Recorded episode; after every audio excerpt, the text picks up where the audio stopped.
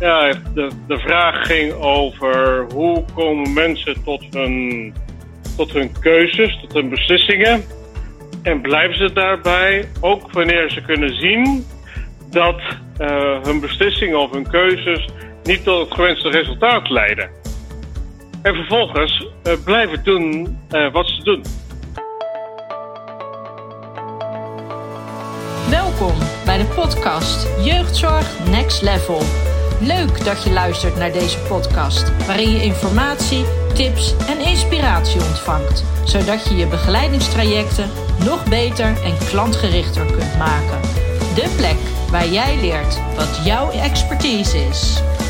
Welkom bij de podcast Jeugdzorg Next Level.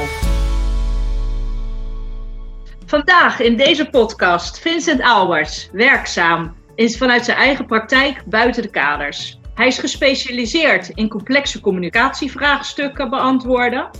Dat klinkt natuurlijk al complex, dus daar willen we heel graag alles over weten. En het is ook knap dat we elkaar begrijpen in uh, deze tijd. Dus daar gaan we veel over vragen. En uh, zeker binnen de jeugdzorg is communicatie een heel gevoelig, uh, gevoelig punt. Dus ik ben benieuwd hoe jij daarmee omgaat. Nou, in deze podcast uh, gaan we daar zeker meer over, uh, over te weten komen. Leuk dat ik je mag interviewen. Nogmaals, uh, welkom bij deze podcast Jeugdzorg Next Level. Ik heb jou vorig jaar ontmoet bij de Happy Day, de, het event voor de jeugdprofessionals. En toen um, merkte ik al dat ik dacht van, hé, hey, wat interessant. Er was iets wat mij intrigeerde in jou als, als persoon, maar ook in jouw werk. En dus ik vind het heel leuk dat ik jou nu mag, uh, mag interviewen. Want uh, het is niet niks uh, wat jij doet voor, voor werkzaamheden. Maar voordat we helemaal de diepte ingaan, ben ik gewoon heel erg benieuwd van... Ja, hoe ben jij hierin terechtgekomen? Ik ben, ik ben een adoptiekind. En als adoptiekind merkte ik dat, de, dat ik de wereld anders beleefde dan eigenlijk iedereen om mij heen. En dat uh, ik vaak overal wel welkom was, maar, maar zeer zelden begrepen werd. Dus dat, dat maakte ook dat ik uh, ja, een, een, zoektocht ben begonnen rondom mijn puberteit. Uh, ja. Toen wist ik nog niet welke vraag ik had. Ik wist wel dat ik wat moest zoeken, maar ik wist nog niet welke vraag ik had. En zo gaandeweg ben ik erachter gekomen dat uh, ja, de, de vraag ging over hoe komen mensen tot hun, tot hun keuzes, tot hun beslissingen. En blijven ze daarbij, ook wanneer ze kunnen zien dat uh, hun beslissingen of hun keuzes niet tot het gewenste resultaat leiden. En vervolgens uh, blijven doen wat ze doen.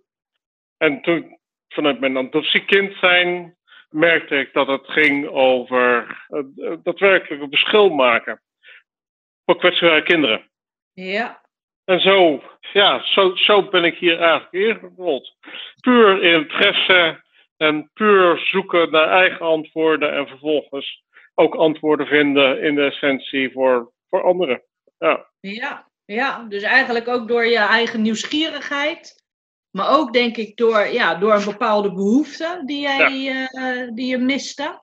Ja. Heb je de zoektocht uh, in gang gezet. Hm. Ja, want je zegt daar ook iets heel moois over. Hè? Op je website uh, las ik dat.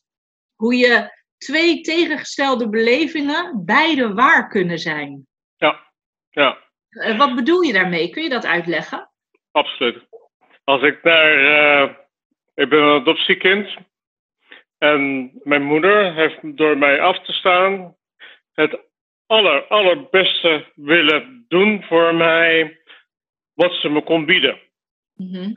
Voor mij is er een belofte niet nagekomen. Mijn moeder heeft, uh, is zwanger geraakt, heeft de, bevallen, heeft de zwangerschap uitgelopen, is bevallen. En vervolgens drie weken, binnen drie weken na, me, na, de, na mijn geboorte, werd ik weggegeven.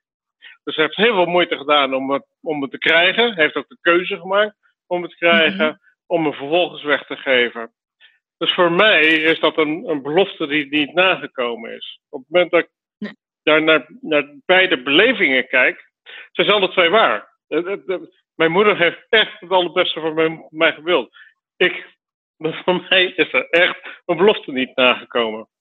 Ja, precies. En ondanks dat het tegengesteld is, is onze, onze wens in de essentie, of was onze wens in de essentie, want mijn moeder is inmiddels overleden, uh, contact, connectie weer met elkaar te krijgen. Ja, en op het moment dat ik dat dan vervolgens vertaal naar professionals, jeugdprofessionals, op het moment dat je enigszins iets meer voelt voor mijn moeders verhaal of voor mijn moeders beleving, of iets meer voelt voor mijn beleving, en je kijkt naar dat wij in de essentie connectie willen maken, zal dat je of voor mij of voor mijn moeder iets meer voelt, zal ook direct invloed hebben op de mogelijkheid voor ons om dat wat wij in de essentie willen bereiken, eh, te bereiken. Dus het is ontzettend belangrijk dat jeugdprofessionals zich bewust gaan worden van wat, nou ja, wat er in hun instrument gebeurt en uh, hoe dat invloed heeft. Ook niet zichtbare uh, invloed heeft. Dus hier gaan mijn trainingen ook over. Dit is echt de essentie waarvanuit ik uh, in mijn trainingen professionals meeneem. Wauw. Zo, maar ik kan me zo goed voorstellen dat dit niet iets is waar mensen bij stilstaan en bewust van zijn. Want wat je zegt, het is precies wat er, wat er aan, wat je niet uh, hoort of ziet, maar wat je voelt. Ja. Hè, als, als cliënt, denk ik. Ja. Maar hoe ben jij hiertoe gekomen? Want ik denk, of dat is een aanname waarschijnlijk, dat je dit zelf hebt meegemaakt, waardoor je je niet gehoord of gezien hebt gevoeld in met mensen of in gesprekken? Of zie ik dat verkeerd? Ja, wat ik, wat ik al eerder zei bij mijn introductie, dat, dat ik vaak voelde dat ik welkom was. De, de, mensen vonden me aardig en konden, vonden me wel interessant, maar begrepen me maar zelden. Precies. Dus ja. toen, toen ik daarover ja, in, eh, die zoektocht die duurt nu al 30 jaar voort. Uh, uh, dus wat langer. het duurt al 35 jaar voort. Maar goed, elke keer kom ik tot nieuwe inzichten. Elke keer kan ik iets beetpakken of kan ik iets wat ik beleef, kan ik kijken of dat ik dat doorgrond. In gesprek gaan met anderen. Ik heb over de hele wereld gereisd. Ook om te, te zien, te horen, in gesprek te gaan over of dat het cultuurgebonden is. Of dat er gewoon een aantal zaken helemaal niet zo cultuurgebonden zijn, maar gewoon echt essentie zijn van het mens uh, zijn. En daarin heb ik, heb ik uh, ontdekt dat uh, over de hele wereld willen ouders het allerbeste voor hun kinderen. Het maakt niet uit in, wel, in welke cultuur je zit. En er is 2% die dat niet wil. Daar zit waarschijnlijk psychopathologie onder. Goed, Ja, dat, ja. dat, dat, is- weer een hele andere, heel ander verhaal. Eh, maar al die anderen willen eigenlijk het allerbeste voor hun kind. En op het Ja. moment dat je dan kijkt naar hoe komen ze tot hun keuzes en hoe blijven ze bij hun keuzes, ondanks het tegengestelde effect wat ze zouden willen bereiken, en dat ze toch daarin door blijven gaan, ben ik gaan ontdekken dat dit met beleving te maken heeft. Want op het moment dat je niet je realiseert dat er dus twee gestelde belevingen zijn en jij echt, echt staat en bedoelt en de intentie hebt en wat jij staat, maar de tegenovergestelde beleving is 100%, 180 graden anders. Mhm. En in loyaliteit wordt die vaak niet uitgesproken. Blijf je hetzelfde doen. Want je, je bent ervan overtuigd dat je het goed doet. Je intenties zijn goed. Je, je, je wilt het beste. En vervolgens levert dat niet op. En ga dan maar bedenken, zonder de informatie van de andere kant, Mhm. hoe je het dan anders zou moeten doen. Ja, ja. Dus op het moment dat ik dan kijk naar toegevoegde waarde van jeugdprofessionals, op, dat, op het moment dat zij zich bewust worden van dat er twee belevingen zouden kunnen zijn, en ze zouden die klinisch kunnen uitvragen, dus echt feitelijk die informatie op kunnen halen, dan kunnen ze ook die vertaling maken voor de twee partijen. Dan is het belangrijk dat ze niet iets voelen, iets meer voelen voor de een of iets meer voelen voor de ander. Want dan gaat hun toegevoegde waarde direct weer schaden ze hun eigen toegevoegde waarde. Ja, ja, ja. Nou, maar dit klinkt ook echt als uh, echt psychologie. ik zeg altijd hogere wiskunde als uh, ding als iets heel ingewikkeld is. Want dit is wel iets, hè? Dit, dit leer je niet op je, tijdens je studie. Nee, niet op deze manier. Dus dat is natuurlijk wel weer de, de, de meerwaarde die jij kunt bieden aan de jeugdprofessionals. Ja. Via de trainingen die jij, uh, die jij geeft. Ja. Want inderdaad, dat, dat, dat ook zo jouw drijfveer eigenlijk is geweest door wat je zelf hebt meegemaakt. Doordat je zelf hebt ontdekt van, nou, dit is gewoon voor mij zo essentieel, zo belangrijk. En dat je dat nu zelf aan het vertalen bent om binnen de jeugdzorg eigenlijk het verschil te gaan maken. want je bent daar denk ik zelf eerst mee aan de slag gegaan. Kun je daar wat over vertellen, over jouw carrière binnen de jeugdzorg? Mm, ik ben uh, begonnen bij. Uh, uh, ik kwam uit Afrika. Daar, daar was ik reisleider. Reisleider voor een, voor een organisatie die over het mij over het continent van Afrika stuurde met groepen toeristen. En daar, daar was ik twee tot vijf weken was ik met zo'n groep onderweg. En uh, gedurende, die, gedurende de laatste, ene, ene laatste groep zat er een, uh, een manager van het PPI Amsterdam. Psychologisch Pedologisch Instituut in Amsterdam.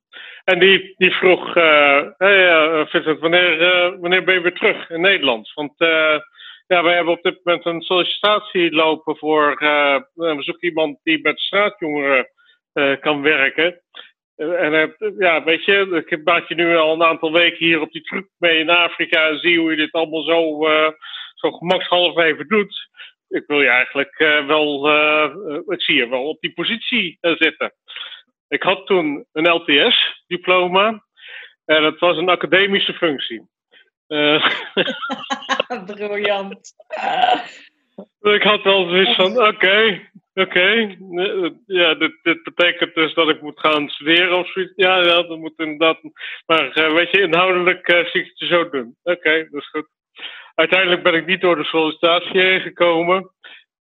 Maar heeft hij me wel in contact gebracht met een jeugdinrichting, Eikenstein in Zeist. Dat is tegenwoordig Hunenberg. En daar, daar is eigenlijk mijn, uh, mijn carrière in de jeugdzorg gestart. Wauw. Nou, dat is al wel een hele mooie stap, zeg. Ja, ja. Maar ook wel weer mooi dat je daarin gezien werd als met een bepaald talent. Ja. En dat die man dat matchte bij de doelgroep. Ja. Dus dat is... En daar is dan iets aangewakkerd bij jou? Want het, uh, dat is natuurlijk een hele andere, hele andere wereld. Voor mij was het de voortzetting van, van mijn, mijn zoektocht. Hmm. Ik werkte daar met kinderen die niet, op, niet, niet groepsgeschikt waren. Dus die zoveel gedragsproblematiek hadden. En dat was nog voordat we de speciale afdelingen binnen de jeugdbescherming hadden. Mm En dan, dan kwam je dus in een één op één uh, traject met mij. Ik was een mentor van een aantal uh, ja, uh, kinderen met antisociale persoonlijkheidsstoornissen. En vaak niet alles was aange, aangeboren. Hmm. Er waren ook een aantal dingen door ernstige hechtingstoornissen, uh, ernstige uh, mishandelingen, trauma's, was dat, was dat uh, ontstaan.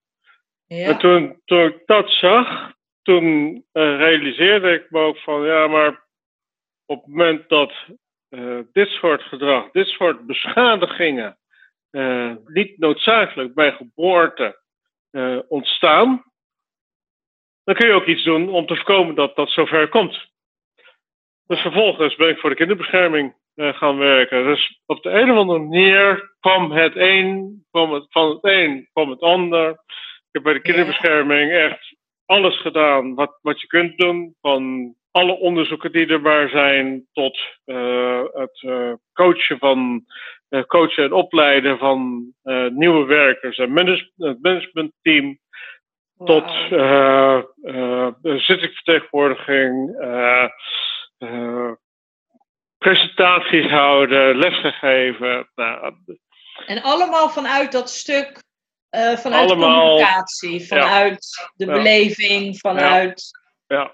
ja. Wauw. Maar wat een sterke drijfveer heb je dan, hè? Dat je dit daarmee kunt bereiken.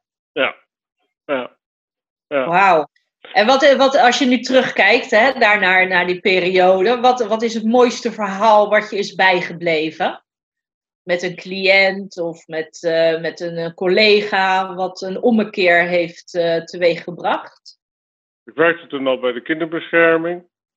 En moest in Amsterdam moest ik zijn. Ik liep over het Centraal Station. En ik liep door de, door de centrale hal. En opeens voelde ik zo een grote hand op mijn schouder terechtkomen. En er is een hele donkere stem ergens boven mij. En ik ben niet echt klein. Maar die... er kwam ook nog iets boven mij. Van, hey Vincent. en ik draai me om. En ik zie daar een, een, jongen uh, die ik begeleid had als mentor. In een van mijn ja, uh, kinder, beschadigde kinderen. En die, die vertelde dat, dat het goed met hem ging dat uh, het enorm geholpen had uh, hoe ik naar hem gekeken had en dat ik naar hem geluisterd heb. A, in de essentie, dat ik echt wilde snappen en horen wat hij zei. Ook voorbij al zijn verhalen, al zijn rookgordijnen, uh, bereid was om hem te horen en te zien. Maar ook om hem te helpen het een plek te geven. Dat hij, dat hij misschien wel de moeite waard zou kunnen zijn om uh, gezien of gehoord uh, te worden. En dat, wow. ja, dat was. En dat kreeg ik gewoon midden in het, in het stationsgebouw van Amsterdam Centraal op een willekeurige dag, terwijl ik daar gewoon van A naar B aan het reizen was. Ja, wauw. Dat, dat Mooi hè? Ja, dat maakte wel dat. Ja, maar die dankbaarheid, dat mensen dat ook niet zo vaak feedback. Je, je krijgt niet zo vaak feedback over wat je doet. Je, je kunt nee. erover overtuigd zijn dat je het goed doet, of dat, dat je intenties goed zijn. Of, maar je krijgt maar zeer zelden krijg je terug dat dat wat je, wat je doet, of dat ja. wat je probeert te bereiken, ook daadwerkelijk, nou ja, iets, iets toevoegt. Ja, absoluut. Nou, ja, daar kun je tien jaar mee vooruit. Ja, hè? Ja, ja, ja, ja, ja, dat zijn echt de lichtpuntjes die je nodig hebt. En uh, ja, ik vind het ook mooi hoor, dat de mensen zo dankbaar kunnen zijn en dat ze dat dan kunnen benoemen, ook naar je. Ja, ja fantastisch. Hey, wat heb je na de kinderbescherming uh, gedaan? Als je, als je in dit vak zit, in het uitvoerende vak zit, dan, dan zeg ik wel eens, dan, uh, dan heb je elke dag een kruiwagen bij je. Eind van de dag uh, trek je de deur achter je dicht, schud je je kruiwagen leeg. En ga je weer het andere deel van je leven doen. Mm -hmm. maar, maar, op het moment dat je je kruiwagen leeggeschud hebt, blijven er altijd wel een paar kruimels blijven erachter. Nou, voor ja. mij waren al die kruimers over 25 jaar, waren, ja, was een kruiwagen vol. Dus toen ik toen er een, uh, vanuit het expertisecentrum uh, jeugd, samenleving en ontwikkeling, uh, JSO in Gouda, mm -hmm. de vraag kwam of die zochten exper expertise medewerkers voor het domein samenleving en kinder kinderen. En daar ben ik aangenomen als trainer, adviseur uh, op het gebied van kindermishandeling. En wow. vervolgens ben ik, uh, ben ik trainingen uh, gaan geven. Een coachingsbureau buiten de kaders had ik toen al. Dat, dat, dat liep toen al. Dat heeft eigenlijk altijd wel doorgelopen. Ja. Maar toen ben ik er ook trainingen bij gaan geven. En Zo. heb ik in, in Zuid-Holland ja, honderden jeugdprofessionals uh, getraind in uh, aanpak kindermishandeling en in aandachtsfunctionaristraining. kinderparticipatie, horen in gespreksprocedures, gesprekstechnieken. Nou, allemaal van dat soort trainingen om professionals handelingsbekwaam te maken in hun wens daadwerkelijk een verschil te maken voor de kinderen die, waar ze zorg over hadden. Ja, wauw. En wat is de rode draad als je kijkt naar al die professionals? Wat, wat is hun grootste uitdaging in hun werk? Wat jij hebt ontdekt? Ja, niet de, de beoordeling van of er sprake is van kindermishandeling uh, los te laten of over te laten aan de professionals die daar heel specifiek voor opgeleid zijn, en die daar heel specifiek toe, toegerust voor zijn. Mhm. En te adopteren dat als wanneer ze zorgen hebben over kinderen, te gaan onderzoeken wat ze voor die kinderen kunnen doen. Dus in plaats van de vraag te stellen: is hier sprake van kindermishandeling? Mhm. De vraag te stellen: op het moment dat ik zorgen heb over deze kinderen, hoe kan, wat kan ik dan voor deze kinderen ten aanzien van deze zorg doen? En wie kan ik daar met name voor inschakelen? Op het moment dat het buiten mijn, buiten mijn invloedssfeer is.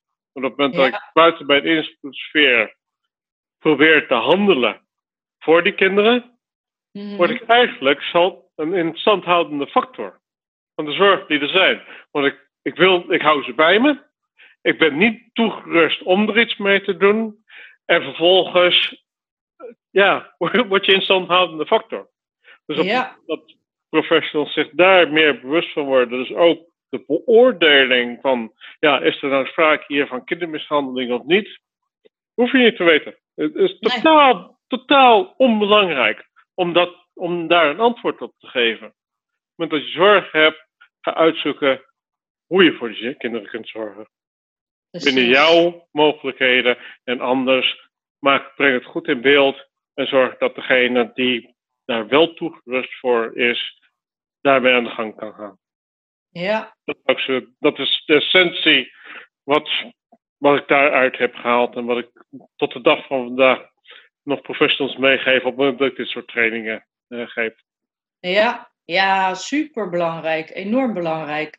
En uh, merk je dat het dan de jongere uh, professionals zijn? Of is dat, maakt dat niet uit in. Uh, nee, dat maakt niet uit. Nee, nee. nee, nee, Is dat dan iets wat wij zo meegekregen hebben, denk je, om op die manier. Want het is een hele andere manier van denken en, ja. en, en handelen die jij nu aandraagt. Ja. Ook veel het vragen stellen aan jezelf. Dat haal ik er ook een beetje uit. Om voor jezelf te bedenken: wat kan ik dan betekenen voor de ander?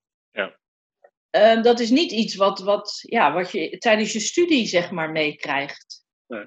Er wordt heel erg naar de oppervlakte meer gekeken en beoordeeld. Hè, en vaak ook veroordeeld. Ja. Terwijl er natuurlijk veel meer achter zit. Ja, zoals ik daar naar kijk, en ook wat ik, wat ik wat, eventjes weer terug naar mijn zoektocht naar de antwoorden, hoe komen we tot ons handelen en hoe, hoe blijven we ons handelen inzetten, ondanks dat we misschien wel niet het gewenste effect uh, bereiken, maar ook niet goed weten hoe we anders moeten doen, mm -hmm. kwam ik erachter dat um, we handelen vanuit onze waarden. Onze waarden zijn de pijlers waarvanuit wij ons verhouden naar de wereld en op het moment dat ik tegen jou zou zeggen, uh, neem eens een waarde in gedachten uh, die je vanuit huis uit mee hebt gekregen over hoe je met anderen omgaat. Nou, heb je iets in gedachten. En vervolgens zeg ik, ja, whatever die waarde is, kan dat niet zo heel veel betekenis hebben. En kan dat niet zo heel veel voorstellen. Wat gebeurt er dan bij je? Ja, ja. Dan denk ik, wat? Ik kan niet veel voorstellen. Ik, zit naar jou te kijken. Lekker makkelijk. ja. Ja, dus, dus ondanks dat ik niet weet waar het over gaat, wat de waarde is, op het moment dat ik er al een oordeel over uitspreek, heeft dat mhm. een enorme impact. Dat zegt iets over dat dat die waarden waarvanuit wij ons verhouden naar de wereld, dat zijn de pijlers waarvanuit, waarvanuit wij naar de wereld uh, kijken. Op het moment dat iets of iemand uh, ook maar schuurt, tikt, uh, slaat, schopt op die waarden, komt dat, heeft dat enorme impact en zullen wij daarop ageren. Dus op het mhm. moment dat jeugdprofessionals zitten in het werk, niet vanwege de centen, niet vanwege de munten. Die zitten daar voor, voor de kinderen, omdat ze daadwerkelijk een verschil willen maken voor die kinderen. Op het moment dat ze dan ouders zien die dan om wat voor reden dan ook niet handelen naar die kinderen zoals, zoals hun waarde uh, zegt dat ze met de kinderen om zouden moeten gaan. Mm. Dat is een andere manier van dat ik zeg, uh, ja, ja, die, die waardes van jou, die kunnen niet zo heel veel voorstellen. Uh, ja. Dus dat is ook wat er gebeurt. Vervolgens wordt er ook dat in je aangesproken. Dus dat, dat, dat, dat gevoel wat je net had, dat, overigens vind ik dat niet. Nee, dat weet ik. maar het was een heel beeldend voor, een voorbeeld. ja. Is dat ook wat er bij de jeugdprofessionals? En dan vervolgens is het heel ingewikkeld om niet een oordeel te hebben. Ja. We zijn opgeleid in hypothetisch toetsen. Dus eventjes oordeel, oordelend kijken. Hypothetisch toetsen is voor mij ook een andere manier om oordelend te kijken. Want je moet eigenlijk een hypothese formuleren. Meestal formuleren we een, een negatieve hypothese en vervolgens mhm. gaan we die toetsen. Ja, ja. ja. dus uh, hij, in, in, in de manier waarop ik hier naar dit soort onderwerpen kijk, is het een stapeling waardoor we eigenlijk exact dat creëren wat we niet willen uh, bereiken. En mijn invloedssfeer is nog niet zo groot dat ik ook uh, deze denkrichting uh, op grote schaal kan beïnvloeden. Maar iedereen die in mijn trainingen heeft gezeten door de jaren heen, die heeft dit meegekregen. En die heeft dit meegekregen om eens even heel scherp naar hun eigen instrument te kijken. En elke keer opnieuw hun eigen instrument te onderzoeken. Met de mhm. vraag van oké, op het moment dat je dit doet, het moment dat je hier zo op punt A staat en je, en je doel is om op punt B uit te komen, en je doet wat je doet, kom je dan inderdaad op waar je uit wil komen? Waarschijnlijk niet. Waarschijnlijk kom je er net naast uit. Mhm. En hoe is het dat je er net naast uitkomt? En wat wil je dan veranderen? Wil je dan veranderen waar je uit wilt komen? Of wil je dan gaan veranderen waar je, ja, ja, exact. Waar je vandaan komt. Ja, ja, ja, ja. Wauw, maar interessant. En ik denk dat er wel hè, binnen de jeugdzorg dat dit soort, hè, dit, dat deze essentie wel steeds meer aan het licht gaat komen. Dat er steeds meer, want vroeger was het meer vanuit de jeugdzorg, hè, de professional en de cliënt. En nu wordt er steeds meer gezegd, de professional moet naast de ouder staan en binnen het gezin aansluiten. Dus er is wel een kentering op gang, merk jij dat ook? Ja, en die is met name cognitief. Juist. Dus het is met name de wens. Eventjes weer opnieuw over die zoektocht van mij. Mhm. Je kunt hem begrijpen. Iedereen die dit hoort, denkt van ja, ja, ja, nee, oh, ja, logisch. Logisch, ja. Misschien denken ze ook zelfs wel van ja, maar dat, dat doe ik ook zo. En dan is mijn vraag van oké, dus dan, dan is dat wat je aan het doen bent, leidt tot dat doel, exact tot dat doel. Want op het moment dat, dat is een penpunt, dat betekent dat je mhm. precies op de penpunt uitkomt. Want elke keer op het moment dat het niet zo is, hoe oké is het dan dat je naast die punten en wat wil je dan veranderen? En dat is niet een oordeel van mij, dat is echt een vraag van mij. Van kom je dan elke keer met dat wat je aan het doen bent uit op je puntpunt? En als dat zo is, dan heb je hem, dan heb je hem te pakken. Ja. Dan heb je hem echt te pakken en dan gaat, ben jij een van degenen die uh, dat verschil gaat maken op dat niveau waarin jij ook dat verschil wilt maken. Ja, ja. En elke keer op het moment dat het niet lukt, ja, dan, dan, dan kan, kun je zeggen dat ligt aan mijn cliënt. En de casus was te ingewikkeld. En uh, uh, de, de, ze wilden niet. En uh, ze waren ambivalent. En alle omstandigheden en de organisatie deed, ondersteunde mij daar niet in. waarschijnlijk heb je 100% gelijk. Echter op het moment dat ik dan over complexe communicatievraagstukken heb, mm gaat het niet zozeer over het antwoord geven op hoe kun je een complexe vraag beantwoorden, maar hoe kun jij jouw instrument beter leren kennen, zodat jij bij jezelf herkent waar jouw communicatie of jouw aansluiting of dat wat jij inzet niet maakt dat jij op, dat, op die puntpunt uitkomt. Precies. Op het moment dat je die in de verantwoordelijkheid. Want dat kun, op het moment dat je die, dat proces doorlopen hebt, kun je ook anderen daarin meenemen. Kun je ook die ouders meenemen. Want die ouders die willen ook op hun puntpunt uitkomen. Absoluut. En eh, is dit dan ook iets wat jij in trainingen uh, leert aan de deelnemers? Hier gaan mijn trainingen over. Dit is echt waar jouw trainingen over gaan? Dit is echt de essentie waar mijn trainingen over gaan. Ja, ja, prachtig. Ja, want nou, als ik dit zo hoor, is dit eigenlijk wat iedereen moet leren. Omdat het volgens mij zo de basis is van waaruit je werkt. Waardoor je werk ook voor jezelf gemakkelijker gaat worden, omdat je dingen gaat zien, je gaat het herkennen. Je leert op een heel ander niveau kijken. Want vaak blijven mensen op inhoudsniveau heel erg. Ja, maar hij zegt dit en zij zegt dat en uh, ik vind dit. Maar daar gaat het allemaal niet om. Het gaat veel meer over het, het geheel en, en nou ja, wat erachter zit. En hoe kun je daar... komen weer op, op mijn moeder en op mij.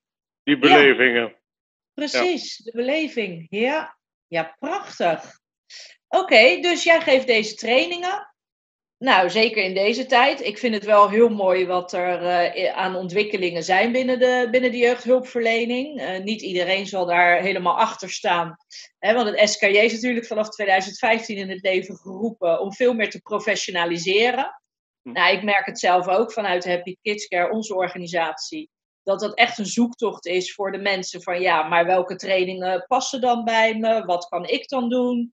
Ja, waar vind ik de juiste trainingen? Nou, zo zijn we dus het platform uh, gestart. Ja. En krijgen we steeds meer uh, ja, trainers om ons heen die precies ja, die visie, de, de, de uh, drijfveren vertegenwoordigen, die ja, denk ik de basis zijn voor, ja, om je werk goed te kunnen gaan uitvoeren. En um, mooie brug maak ik. maar het gaat over het SKJ. Ja, ja, dat ik uh, benieuwd ben, eh, heb jij ook, zijn jouw trainingen dan SKJ geaccrediteerd? Of heb jij wat, ja, dat is natuurlijk ook vaak wat mensen willen, dat ze twee vliegen in één klap slaan.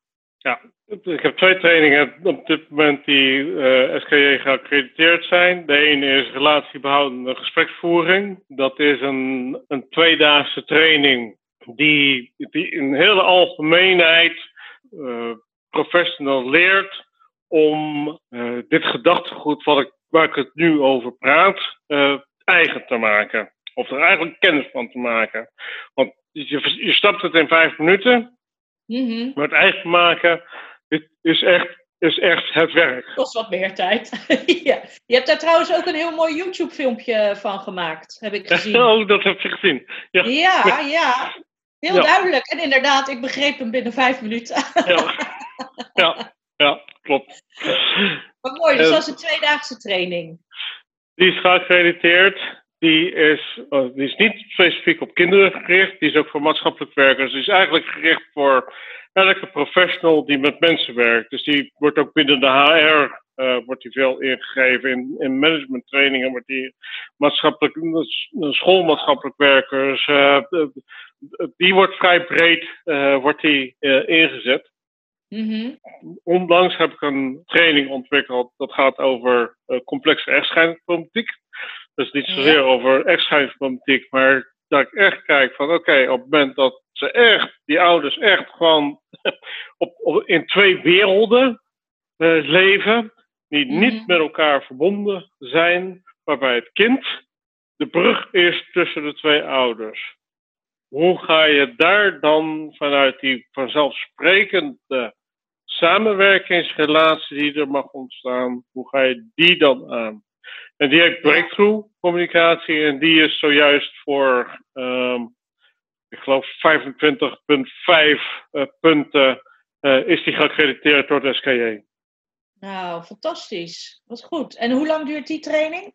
Drie dagen. Die is drie dagen. Drie dagen, er zit, eh, er zit een redelijke tijd tussen de trainingsdagen, tussen de fysieke trainingsdagen.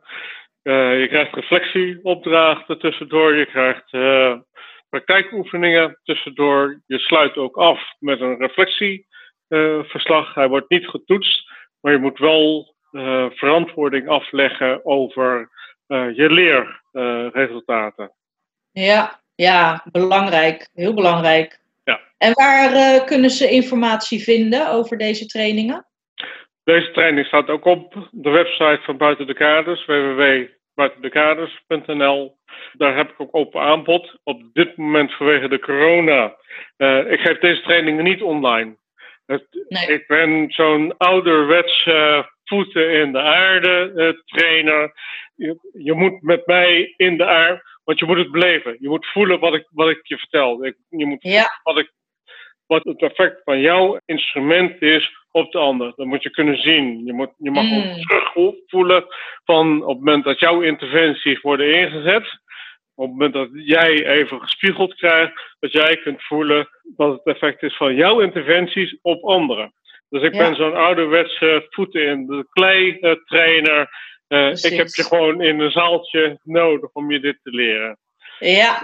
Heel slim. zodra eh, corona enigszins de ruimte eh, weer eh, geeft, ga ik weer eh, open inschrijvingen op de website zichtbaar maken. En dat zal ik ook misschien eventjes via jullie platform, zal ik open aanbod Ja. data eh, doorgeven. Ja, slim. Slim. Ja.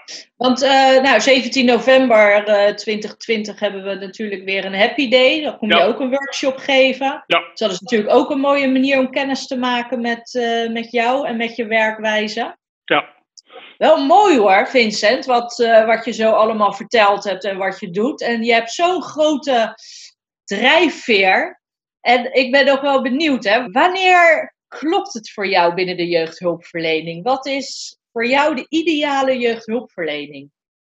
op het moment dat we bij ouders kunnen luisteren, echt kunnen horen wat ze nodig hebben, wat ze willen, Mhm. ook wanneer dat anders is dan wat wij willen, maar het voor hun klopt en het voldoet aan veiligheid, voorspelbaarheid en structuur voor de kinderen. Dus Wauw. je, dus je, mag het, je, je mag het op je eigen manier doen. Eh, Het hoeft niet op mijn manier te zijn. Maar het moet wel aan die drie bodemeisen voldoen. Op het moment dat we dat zouden kunnen realiseren. Dus ook ouders echt het eigenaarschap geven vanuit het vertrouwen, Mhm. de verantwoordelijkheid. Want die is ook ontzettend belangrijk. Dat ze ook verantwoordelijk worden gesteld en worden gehouden. En ook die verantwoordelijkheid krijgen om dat te doen wat, wat ze willen doen. Ja, Maar ook de legitimatie krijgen het op hun eigen manier te doen. ja, prachtig. Dan, op het moment dat we dat bereiken, ja, dan, dan, gaan we, dan gaan we echt een andere jeugdzorg gaan krijgen. Ja, absoluut. Nou, daar sta ik 100% achter. Mooi. Ja. Ja. Hey, is er verder nog iets wat jij zou willen, willen vertellen aan onze luisteraars van, eh, van deze podcast? Je hebt natuurlijk al veel verteld. En eh, ik denk dat er heel veel mooie elementen zijn aangestipt wat, eh, waar de luisteraars over na kunnen denken. Wat ze na kunnen lezen op jouw website. Want je hebt Ja. nog een, eh, een website hè, die je bent Ja. eh, opgestart. Ja, klopt. Kun je daar wat over vertellen?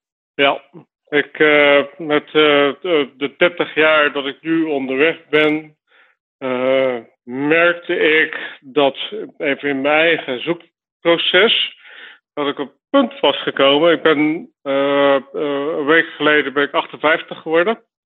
Gefeliciteerd. Uh, dankjewel. Uh, en merkte ik dat, dat, dat ik mag gaan doen nog, nog iets dichter bij die drijfveer van mij mag komen. En daar ook, daar waar ik tot nu toe eigenlijk heel lang niet meer rechtstreeks met mensen heb gewerkt.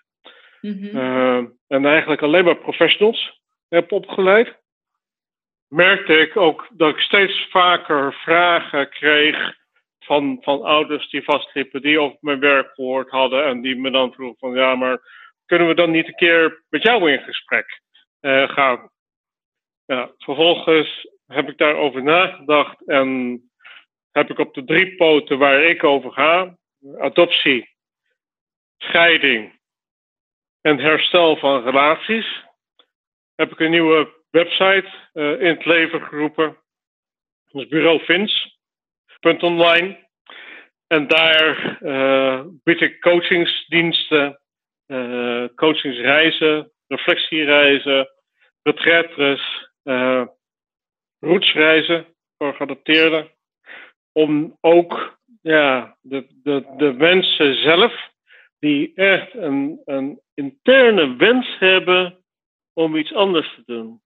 Mm -hmm, Om het anders te doen als wat ze gedaan hebben. Dus zo, zo kijk ik ook naar de scheidingscoaching bijvoorbeeld. Op het moment dat je naar jezelf kunt kijken in de vechtscheiding en je kunt zien wat het effect is wat, wat je hebt op de kinderen. Maar je hebt geen idee hoe je het anders moet doen. Want dat, dat is ook zo af en toe echt ontzettend ingewikkeld om daar door dan doorheen te kijken. Dus je kunt zien dat het fout gaat, maar je, het, het anders, maar gewoon even anders doen. Dat, dat is niet zo simpel. Nee, uh, Op het moment dat je dan een, echt een intrinsieke wens voor de, voor de kinderen hebt, mag je naar mij komen en dan ben ik in dienst van de kinderen en werk ik met de ouders. Prachtig. En ik hoef de kinderen niet te zien, want ik heb al zoveel kinderen gezien dat ik wel tussen de verhalen en tussen de regels door heel goed kan horen uh, wat de vraag van de kinderen uh, is. Ja, ja. Prachtig. Dus dat is je volgende stap. Nou ja, de volgende, stap. volgende stap. Je bent er al mee bezig en het is verweven eigenlijk al in je hele loopbaan. Maar dat ga je nu eigenlijk veel meer uitkristalliseren. Ja. ja. ja. Prachtig. Ja. Jeetje Vincent, wat, uh, wat mooi om ook ja, naar jou te luisteren. Ik vind het heel knap hoe jij het zo onder woorden weet te brengen. Ook heel beeldend, met, uh, met metaforen, met voorbeelden. Ook vanuit je eigen uh, verhaal. En ja, volgens mij heeft dat zoveel meerwaarde voor ja, niet alleen de professionals, maar inderdaad ook de ouders, de kinderen. Omdat jij echt ergens vanuit spreekt, vanuit ervaring. En vanuit heel veel kennis wat je natuurlijk hebt opgedaan de afgelopen jaren.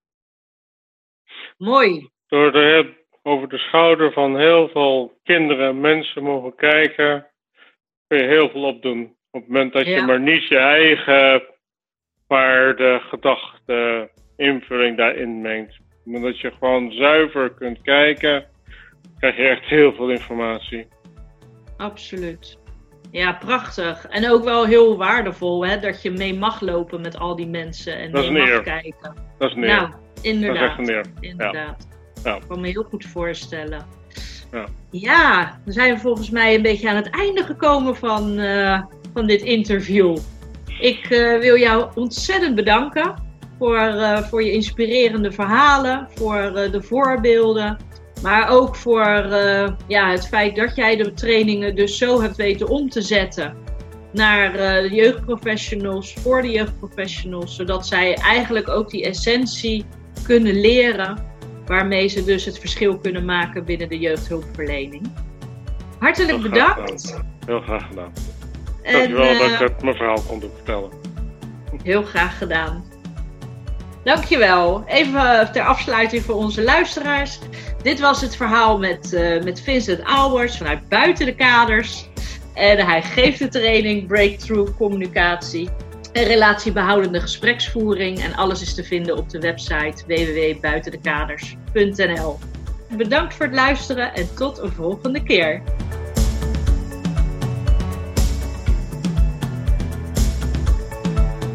Superleuk dat je weer luisterde naar de podcast Jeugdzorg Next Level. Ben jij al geabonneerd op deze podcast? Doe dat dan snel, zodat je als eerste op de hoogte bent als we weer een nieuwe podcast online zetten. Tot slot vinden we het leuk als je ons een berichtje stuurt of een vraag, zodat we je nog beter kunnen helpen. Stuur een pb'tje via de socials of mail naar Judith. Bedankt voor het luisteren en tot een volgende podcast.